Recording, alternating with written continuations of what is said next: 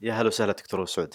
يا هلا والله وسهلا فيك أستاذ سعود مصبيح اسم كبير وفترة عايشتها في وزارة الداخلية مرت كثير من الأفكار آه، في هذه الفترة. أبي أعرف آه، وش أبرز الأفكار اللي كانت موجودة في المجتمع السعودي؟ في نتكلم عن فترة الثمانينات تحديدا. آه شكرا أستاذ نايف. أنا الحقيقة طبعا ممكن يعني أقدم نفسي إني عملت في ثلاث مجالات مهمة. عمري 17 سنة بدأت في جريدة الرياض. عملت خلال دراستي الجامعية كلها تقريبا فبالتالي أنا كان لي إلمام بالصحافة والإعلام وفترة الله يغفر له ويرحمه الكستيري. حتى ابتعثت 1400 وأربعة للهجرة. فبالتالي هذه الفترة طويلة أعطتني في المقدمة في عمر العمل في جريدة الرياض في الصحافة الصحافة الاجتماعية الصحافة الثقافية صحافة التحقيقات الصحافة الرياضية. بعد ذلك تعينت في كلية الملكة العسكرية معيد وبالتالي من خلال عملي في الحرس الوطني أيضا كان لي بعض الأنشطة في آه، الجنادرية وبعض الأنشطة في آه، الأعمال الأكاديمية كأكاديمي وكأستاذ مساعد في كلية الملكة العسكرية. ثم انتقلت للتعليم. طبعا التعليم بالعمل مع محمد الرشيد الله يرحمه آه، مدير عام الإعلام التربوي. أيضا يعني خلتني أكون مطلع على جوانب مهمة داخل وزارة التعليم داخل وزارة المدارس كيف كان العمل يسير كيف كان قبل ما يتعين محمد الرشيد كيف كان واجه محمد الرشيد من أفكار يعني يعني ما يهمها الوطن ما يهمها فكرة الوطن والتربية الوطنية بشكل عام حتى جاء الرشيد ووضع التربية الوطنية. ثم انتقلت إلى وزارة الداخلية 17 سنة وعملت في آه، بقرب الأمير نايف الله يرحمه.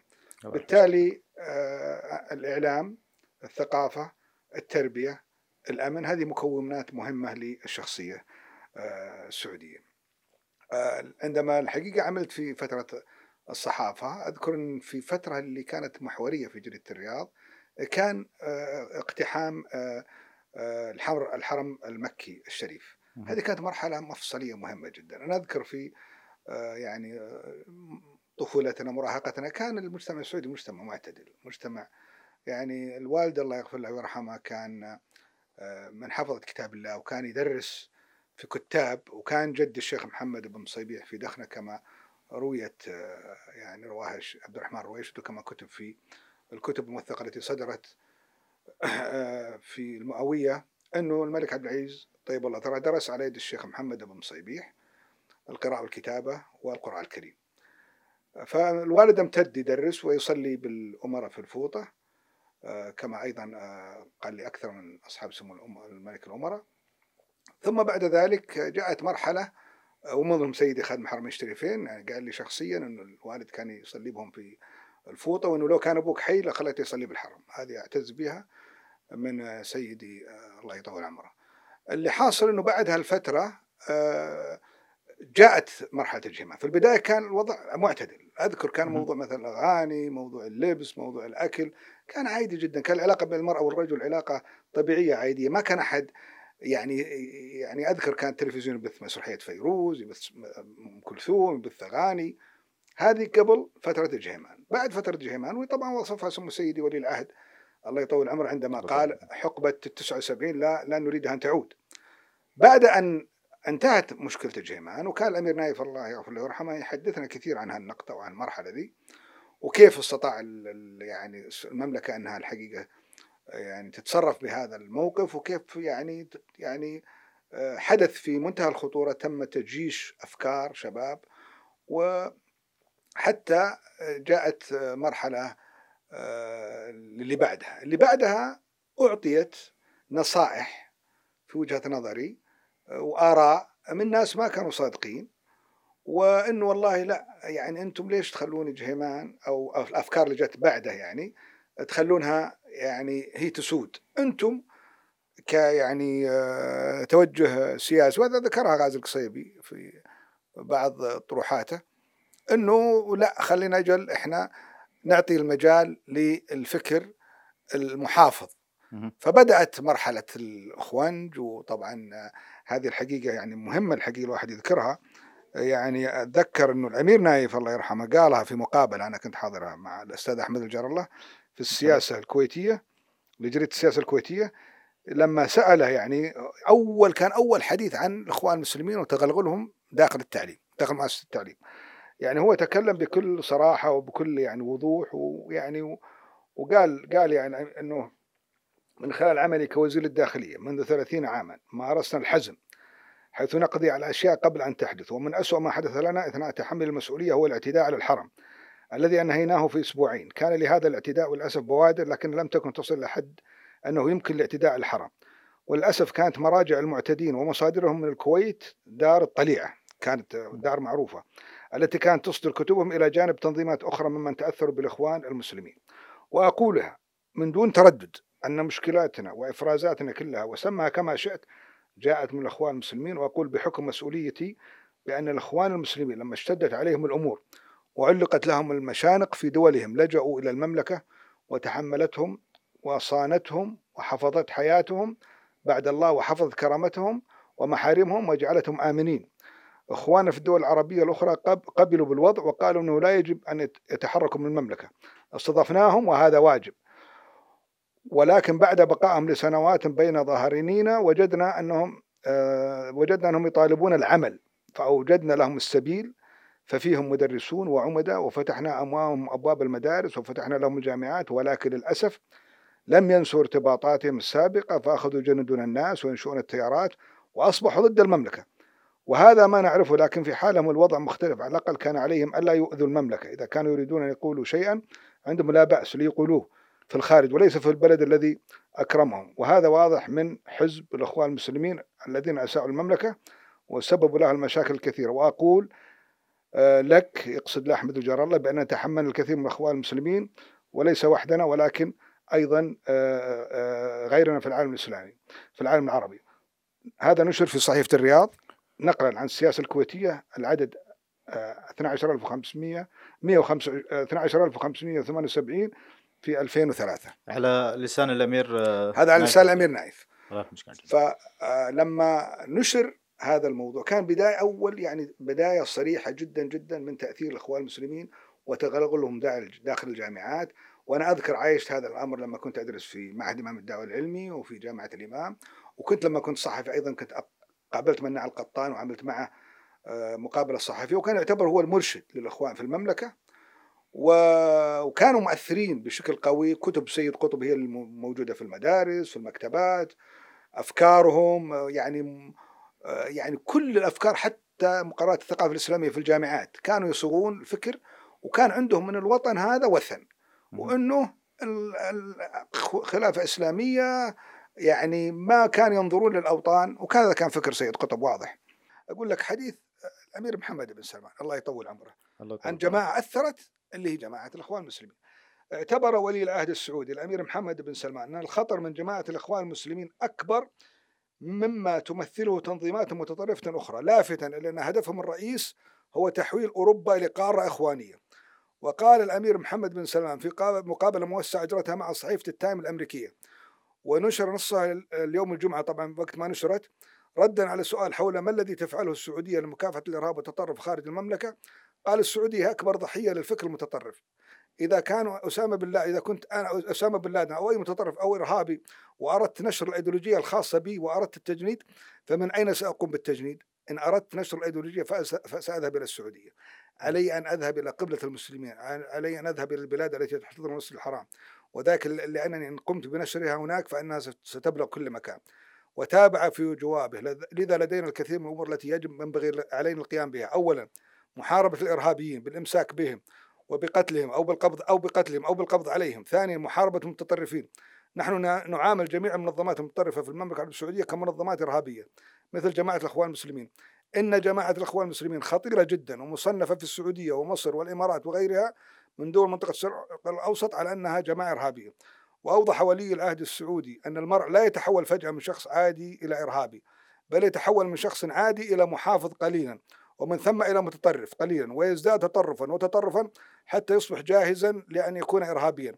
وتعد شبكة الأخوان المسلمين جزء من هذه الحركة. فلو نظرت إلى أسامة بن لادن فسجد أنه كان من الأخوان المسلمين. ولو نظرت إلى البغدادي في تنظيم داعش فسجد أنه أيضا كان من الأخوان المسلمين في الواقع. لو نظرت إلى أي إرهابي فسجد أنه كان من الأخوان المسلمين. وأشار الأمير محمد بن سلمان لأن الأخوان المسلمين ليسوا منطقة الشرق الأوسط لأنهم يعلمون أنها تتبع استراتيجية جيدة ضدهم في السعودية. ومصر. والإمارات والأردن والعديد من الدول الأخرى معتبرا الخطر الأعظم يتمثل بعمل الجماعة في أوروبا وبين أن هدفهم الرئيسي يتمثل في جعل المجتمعات الإسلامية في أوروبا متطرفة فهم ياملون بأن تصبح أوروبا قارة إخوانية بعد 30 عاما وهم يريدون التحكم بالمسلمين في أوروبا من خلال استخدام جماعة الإخوان المسلمين. واعتبر الأمير الأمير محمد بن سلمان أن هذا سيشكل خطرا أكبر بكثير من الحرب الباردة ومن تنظيم داعش ومن القاعدة ومن أي أمر خلال آخر 100 عام من التاريخ. وشدد على أن مكافحة التطرف لا تقتصر فقط على محاربة المتطرفين ونشر الحداثة لكنها تشمل أيضا التعرف على تلك الجماعات وسن قوانين لمحاربتها وتوضيح المعايير التي نميز من خلال الإرهابيين. وتابع بالقول لدينا جماعة الإخوان المسلمين ومن ضمنهم السروريين. هناك العديد من الأفلام الوثائقية التي شاهدناها حول العالم والتي تصف السروريين بالوهابيين. نحن في الحقيقة نصفهم بالسروريين في السعودية. هؤلاء أعلى بدرجة من الإخوان المسلمين حيث انهم ينظرون الأمور من منظور أكثر تطرف من الشرق الأوسط ولكنهم بموجب قوانيننا مجرمون. وحينما نملك أدلة كافية ضد أي أحد منهم القاضين في المحاكم التيار الس- السروري هو تنظيم سلفي أنشأه في السعودية و- والكويت خلال الستينات والسبعينات هذا طبعا أضافتها المصدر اللي هو سبق. آه، اضافت هذا الكلام. فهذا كلام سيدي ولي العهد الله يحفظه. هو مدرك. خطورتهم. ولهذا الحقيقة إحنا الآن نعيش يعني ما الذي يريدون؟ المملكة العربيه السعودية قبله أكثر من مليار ونصف مليار مسلم من جميع أنحاء العالم. المملكة قوة في الموارد الطبيعية بوجود البترول كونها من أهم دول العالم. المملكة قوة اقتصادية وضمن أقوى دولة 20 اقتصادا في العالم. المملكة تستقطب أيدي عاملة أجنبية نحن عندنا 13 مليون يعملون ومن يأتي للمملكة لا يريد أن يذهب. الآن السياحة الآن و- وبالعكس وإذا جاء يجيب أقاربه وربعه تلقاهم عند السفارات في كل مكان، ليش الناس تجي عندك؟ تجي عندك لأنك بلد خير آمن مطمئن يعني تعطي الناس حقوقها والناس تعمل وتنتج وترسل و- وأوضاعهم. لهذا نحن أمام منظومة محاولة إذا ما نوري الشباب مثل هذا الكلام مثل هذا الفكر فإحنا أيضا ممكن أنه نعرضهم مرة أخرى للإخوان المسلمين، لأن الإخوان المسلمين يعني خلايا نائمه باستمرار يتحركون ويتلونون وخطرهم كبير. طيب تفضل. آه، خلينا بمشي معك جزئية جزئية نعم. آه، كيف تغلغلوا في البداية؟ تغلغلوا طبعا أنت لما تجي وت- يعني يكونون هم لهم علاقة بالمناهج المناهج وكان معروف بعض المناهج كان كتبها محمد قطب أيضا في المد- مناهج التعليم. ولما هم يكونون مؤثرين داخل منظومة التعليم وطبعا كان في سعوديين آمنوا بأفكارهم. بل بالعكس كانوا يعطون يأخذون الشباب ويودونهم حتى للهند يقابلون زعامات الإخوان المسلمين هناك. و... وكان الفكر متوجه كل من طالب بارز أو مبدع يتم السيطرة عليه واحتوائه وزرع الفكر الأخواني فيه. تولوا بعد ذلك عدة مناصب في وزارة التعليم من خلال هالمناصب استطاعوا أيضا أن ينشروا داخل المدارس الأفكار آه، أفكار الأخوان وأفكار معتقد اللي ما تعطي الوطن قيمته ما كان الطلاب يلقنون شيء عن وطنهم ما كانوا يلقنون عن مثلا المملكة العربيه السعودية عن مناطقها عن تميزها عن نجاحها كان بالعكس ولهذا إحنا شهدنا مرحلة الإرهاب أنت لا يمكن شاب عمره 14 18 سنة 20 سنة يفجر جسده إلا لأنه مخترق يعني طيب كيف غرروا وكيف اخترقوا هالشباب؟ في عدة وسائل يعني أذكر كان أول ما تعين الدكتور محمد الرشيد وكان متحمس لزرع الوطني وكان أول وزير يتعين يعني له خلفية في التعليم. يعني كل اللي قبله ما كانوا لهم علاقة بالتعليم بس هو جاي من أمريكا وبالتالي تعين بالتعليم أصبح جاي يعني تخصص تعليم فأذكر أول ما عرض علي أني أعمل معه وكنت أول واحد جاء وباشر معه يعني. ما كان أحد قبل من الوزارة يعني ثاني يوم هو جاي يمكن وهذه لها قصة يمكن تطول شوي. لكن بدأت معه فكان كنت مؤمن إنه الرجل ذا أول مرة الدولة تعين شخص في التعليم وكنت مؤمن التعليم هو اللي غير المجتمعات. كنت مطلع على يعني بحكم تخصصي مطلع على كيف تطورت اليابان كيف تغيرت كوريا كيف تغيرت سنغافورة كيف تغيرت ماليزيا كله عن طريق التعليم. فقلت إن شاء الله هذه فرصة أن الرجل يستطيع يغير في التعليم. لما بدأ فوجئنا انه المدارس كنا نزور المكتبات المكتبات كلها ما لها علاقة شيء بالمملكة العربية السعودية. كلها كتب جماعة الإخوان المسلمين وفكر كتب سيد قطب وكتب يعني هذا موجود وموثق. آه، أتذكر في موقف الرس... موقف للدكتور محمد الرشيد إنه ذهب صباح يوم من الأيام بعد ما تعين خلال شهرين ثلاثة شهور بعد ثلاثة شهور زار مع مدير التعليم مدرسة إحدى المدارس في الرياض ثانوية. م. هذا هو رواها لنا بعدين. فكان يقدمه مدير التعليم يقول هذا وزير الجديد وزير المع- المعارف كان اسمه ذيك الأيام. فمدير المدرسة كان يعني من هالنوعية اللي يعني ما له علاقة بالتعليم جيل قال له محم- محمد الرشيد قال وش محمد الرشيد؟ وين الخويطر؟ قال الخويطر راح صار في تشكيل وزاري وتم تغييره ولا الحين أربع شهور تغير قال لا لا لا عنا والله أنا لا أقرأ تلف... لا أقرأ جرايد ولا أطلع على التلفزيون ولا أدري أنا مهمة الطلبة هنا مهمة نعدهم للإسلام وللدين وللخلافة. يعني بصريح العبارة. بصريح العبارة كذا بصريح العبارة يعني هو. تصور يعني دهش محمد الرشيد قال معقولة. طبعا ما تقدر تقولها قالها بها بها بهالوضوح الكامل لكنه قال ابدا. إحنا ما لا نبطلع وش صاير إذا كنت مدير ثانويه وعندك 1500 طالب وما تعرف آه، صحافة البلد ولا تعرف تلفزيون البلد معناته إنك أنت قاعد عندك أهداف معينة للطلبة. مهم. فجاء الرشيد واجت- في ال- سوى عقد اجتماع مهم جدا وأنا ذكرت هذا في إحدى الأوراق وقال لا لا إحنا لازم نقرر مقرر التربية الوطنية. معقولة؟ في أحد؟ إلى هالدرجة؟ يعني لو كان مثلا في مدينة خارج الرياض ولا في إحدى المحافظات وإحدى يعني القرى أو الهجر نقبلها. لكن في العاصمة ويكون في مدير مدرسة ما يعني ثانوية ما يعرف إنه فيه تشكيل وزاري وإنه يعني وزير تغير وراح وزير وهذا تخصصه نفس مجاله؟ هو مدير مدرسة بعد. وهو مدير مدرسة. انت شوف كذا كيف حجم الاختراق. ولهذا كان الطلاب يعودون على أشياء يعني ما لهم ما لهم علاقة في ما يربطونهم بالوطن وما لهم علاقة بال ولهذا سهل استقطابهم. ويعرضون عليهم أفلام معروفة أفلام ذي كلام جراحات الشيشان وجراحات أفغانستان وك- ويمكن الطلبة كثير عرفوا هذا الشيء. ما يعرفون عن وطنهم ولا عن تقدم ولا عن نهضته ولا عن أي شيء قبل قبل. آه، أي شيء. وبالتالي صار عندنا الاختيار سهل إنه يفخخ نفسه إنه يطلع يقتل ويحارب ويروح لمناطق الصراع ولا ولا يشوف وطنه إلا بدي يتبع على قول آه، يعني آه، فسطاطين يعني فسط ضد دولته وضد وطنه. بهالطريقة. غرروا بالشباب. بهالطريقة غرروا بالشباب وحولوهم إلى قنابل مفخخة يفجرون ويقتلون. يعني تصور أنت حتى الجامعات وصلوها يعني يعني لما يجي واحد يقول لك والله الإرهاب له علاقة بالفقر والبطالة. كان أجل كل فقير صار إرهابي. كان كل كل عاطل كان إرهابي. بالعكس اللي فجروا في ينبع ثلاثة متخرجين من جامعة البترول والمعادن. وفجروا وسحلوا وقتلوا. وعندهم هاوسنج عندهم سكن وعندهم رواتب جيدة ويشتغلون في شركة كبيرة من أحد الشركات اللي موجودة في ينبع ومع ذلك كثير من ال- ال- الإرهابيين وأنا كنت رئيس لجنه المناصه عدة سنوات من أسر مستقرة ماديا. ويعملون بس كانوا يرفضون العمل لأنهم يعتقدون الدولة هذه كافرة فما يعملون يروحون يبيعون أي شيء كذا ما. كانوا يحرصون لكنهم وقع تعرف بن لادن وش من أسرة ثرية ومع ذلك إرهابي الظواهر نفس الشيء فهذا الفكر تغلغل داخل الطلاب حولهم إلى قنابل مفخخة وتأثروا بالفكر المؤدلج والاخونجي اللي صاروا وقودهم للصراعات. طب برجع نقطه الآن لما نسمع مثلا كانوا موجودين في المدارس في الجامعات كيف دخ- قدروا يدخلون وينتشرون بهالطريقة؟ أنت أول شيء تبدأ يا طول العمر عن طريق ال- الإشراف الطلابي.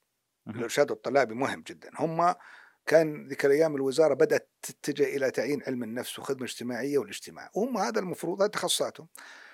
فهم على أساس إنهم يلفون على الطلاب أوجدوا إنه والله لا إنه تصير مرشد طلابي لازم تخضع لموضوع السمات وكانوا يركزون على السمات المظهرية. فتجي تحصل مثلا اللي قاد اللي قاد عملية معروفة وكبيرة جدا في تفجير الحمراء. كان مدرس فيزياء. وأنا بذاكر اسمه لا- ولا أذكر اسم قبيلته لكن أعرف إنه هو جاء وقتل وفجر. كان تخصصه فيزياء. وش كان يعمل؟ كان مرشد طلابي.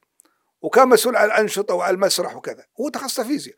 كان اللي يمسكون الإرشاد الطلابي معظمهم تخصصات علمية أو تخصصات من دراسات إسلامية بس إنه أهم شيء له فكر معين توجه معين. نفس الشيء كان ينطبق هذا على المدراء على وكلاء المدارس على المشرفين الطلاب المدرسيين. هذا طبعا لحد ما وكان يضايق كل من مثلا يكون له فكرة وطنية ولا هم وطني. كان فكر مو سهل. لهذا جت فترة طويلة الجامعات وكذا تحصل التعيينات كلها تخضع إلى يعني شيء معين. ويعني جامعة الإمام أو أي جامعات أخرى كثيرة عانت من هذا الشيء. إلى أن جو حتى قادة جامعات متميزين ومعروفين وحاولوا ومع ذلك أسقط في يدهم بعدين. خليني أقول من اللي يدخلهم. أول شيء زي ما تعرف أنت الآن أنت لما تهيئ ناس في التعليم لسنوات.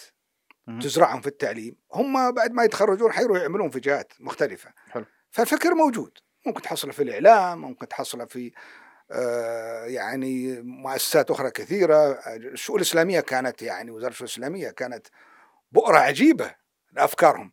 يعني أذكر كانت تصدر من وزارة الداخلية من عندنا من عند يوم ممكن تعمل مع الأمير الله يغفر له ويرحمه الأمير نايف خطابات لوزارة الإسلامية يا جماعة الخير نبغاكم تخطبون بالخطب الفلانية.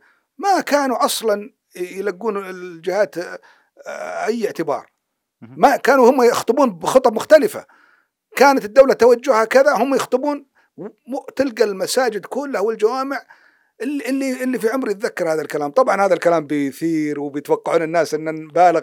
هذا الواقع فترة من الفترات كانت تدخل تخطب تدخل الجامع تحضر خطبة تحصل إنه جامعة في في جوامع أخرى كثيرة كلهم قالوا نفس الكلام. كان في نوع من الترتيب. يعني الله سبحانه وتعالى ب- ب- ب- بالجهود العظيمة لسيدي خادم حرم الشريفين الملك سلمان الله يحفظه وسيدي سمو ولي. العهد. الأمير محمد بن سلمان الله يحفظهم. يعني جانا مثلا الرجال الشيخ عبد اللطيف آل الشيخ. ورجل حازم رجل واضح رجل ما عنده أخضر أبيض أزرق. استطاعت الو- الوزارة تغيرت تماما. الآن آه، شوف المساجد هدأت الجوامع هدأت. ليه؟ لأنه الرجل واضح وخطة واضح وعارفهم. ما عاد في تلون ولا في مجاملات ولا كذا. ولهذا انتهت انتهت وزاره الشؤون الإسلامية. أنا أعتقد أنها الآن وزارة نموذجية وطنية عظيمة جدا في كل ما تقدم آه، اللي فهمته من كلامك دكتور. إنه بدأوا يدرسون صغار نعم. خذوهم أي. آه، بدأوا يدرسونهم تعينوا بدأوا يدخلون الناس معهم. فعشان كذا توسعوا أكثر نعم يعني أنت مثلا لو يجيك مثلا كلام مثل كلام وهو مهم جدا له علاقة بالكلام تفضلنا فيه اللي اللي يتكلم فيه الاستاذ نايف اللي هو مثلا رجل شاهد في هذا العصر اسمع شو يقول خالد الفيصل انتقد الأمير خالد الفيصل في حديثه لقناة العربية. ص... آه، أمير منطقة عسير. من من يدعون الوسطية الذي كانوا يعمدون لاستفزاز الشباب واستثارتهم بنشر أفكار المودودي وسيد قطب مطالبا إياهم بالاعتذار عن أخطائهم مفسرا تمكن المتطرفين من التغلغل في المجتمع السعودي بأنه يعود إلى وجود تربة خصبة تتمثل في الشخصية المتدينه للمواطن السعودي التي استغلها المتطرفون لتمرير أفكارهم المنحرفة عبر تشويه وتحوير النصوص القرآنية الكريمة والنبوية الشريفة. داعيا إلى إنشاء هيئة لمكافحة الفكر الإرهابي محذرا من مغبة التقليل من شأن منحرف الفكر في بلادنا لأنهم يشكلون خطرا كبيرا. هذا كان في 2004 وقال سموه في حديثه إلى قناة العربية أن المخدرين هم هم يؤكدون أن ظاهرة الإرهاب محدودة وأنها لا تتجاوز مجموعة صغيرة من المسلحين دون أن تمتد إلى مجموعات كبيرة من من المكفرين الذين تمتلئ به مجتمعاتنا مضيفا أنه ينبغي الاعتراف بخطورة الوضع ومستشهدا بخطأ أرتكب فيما يخص معالجة قضية جماعة جهيمان مطلع عام 1980 ميلادية آه، حيث تم القضاء على الجماعة ولم يتم اجتثاث فكرها. وأضاف سموه أن فكر العنف الآتي من الخارج وجد تربة خصبة في السعودية كون الشخصية السعودية شخصية متدينة واجهت العالم عندما تأسست الدولة على الاسس الاسلاميه الصحيحه. لكن مصدر قوة هذه الشخصية في ذاتها هي ذاتها نقطة ضعفها لأنه من السهوله خداعها عن طريق مشروع ديني أو فكرة دينية ودعا إلى تنقية المناهج السعودية من الفقرات التي وجدت طريقها إليها خلال نقل الفكر المتطرف إلى السعودية. وقال سمو أمير منطقه عسير إن دعاة الوسطية كانوا يصفون الحكام بالطواغيت ويشجعون لطاحة بالحكومات العربية والإسلامية ويسفهون كبار العلماء ويصفونهم بأوصاف غير مقبولة على حد وصفه. وأشار أن هؤلاء غيروا جلودهم بعد أن رأوا استكثار استك- استنكار الناس لهذا الفكر المتطرف وبقدرة قادر تحول الوسطية وقال إذا كانت وسطيتهم صحيحة فهذا شيء مقبول مطالبا إياهم بالاعتراف بأخطائهم الساب- السابقة على الملأ والاعتذار عن. عن المواطن والوطن والدولة والاعتذار من المواطن والوطن والدولة ونفى أن تكون الدولة وفرت لهم سابقا حماية متسائلا من يحصل على حماية وهو يكفر الدولة وشدد على ضرورة تنقية المناهج الدراسية من فقرات وضعت أثناء تعرض المملكة لنقل الفكر الجهادي والعنفي محذرا في الوقت ذاته مما وصفه بالمنهج الخفي. المنهج الخفي هو اللي كان فعلا مستتر ويعمل على الطلاب من تحت سواء كان في الأنشطة سواء كانت في آه، المشاريع الخلفية اللي ما هي موجودة في المنهج لكنها حقا الأشرطة الفيديو اللي تحقن للطلاب يورونهم إياه وهم صغار في السن الذي يشكل نسبة 8 من مشكلة العنف فيما نتجاوز هناك هنات المناهج الدراسية في هذا الصدد 20% ويعني يعني هذا عاد الأمير خالد الفيصل بعد أيضا الأمير نايف والأمير خالد الفيصل نعرف من هو ونعرف الحقيقة جهوده وفكره في محاربة الفكر المتطرف. آه، شكرا دكتور. الله يحييك سلمك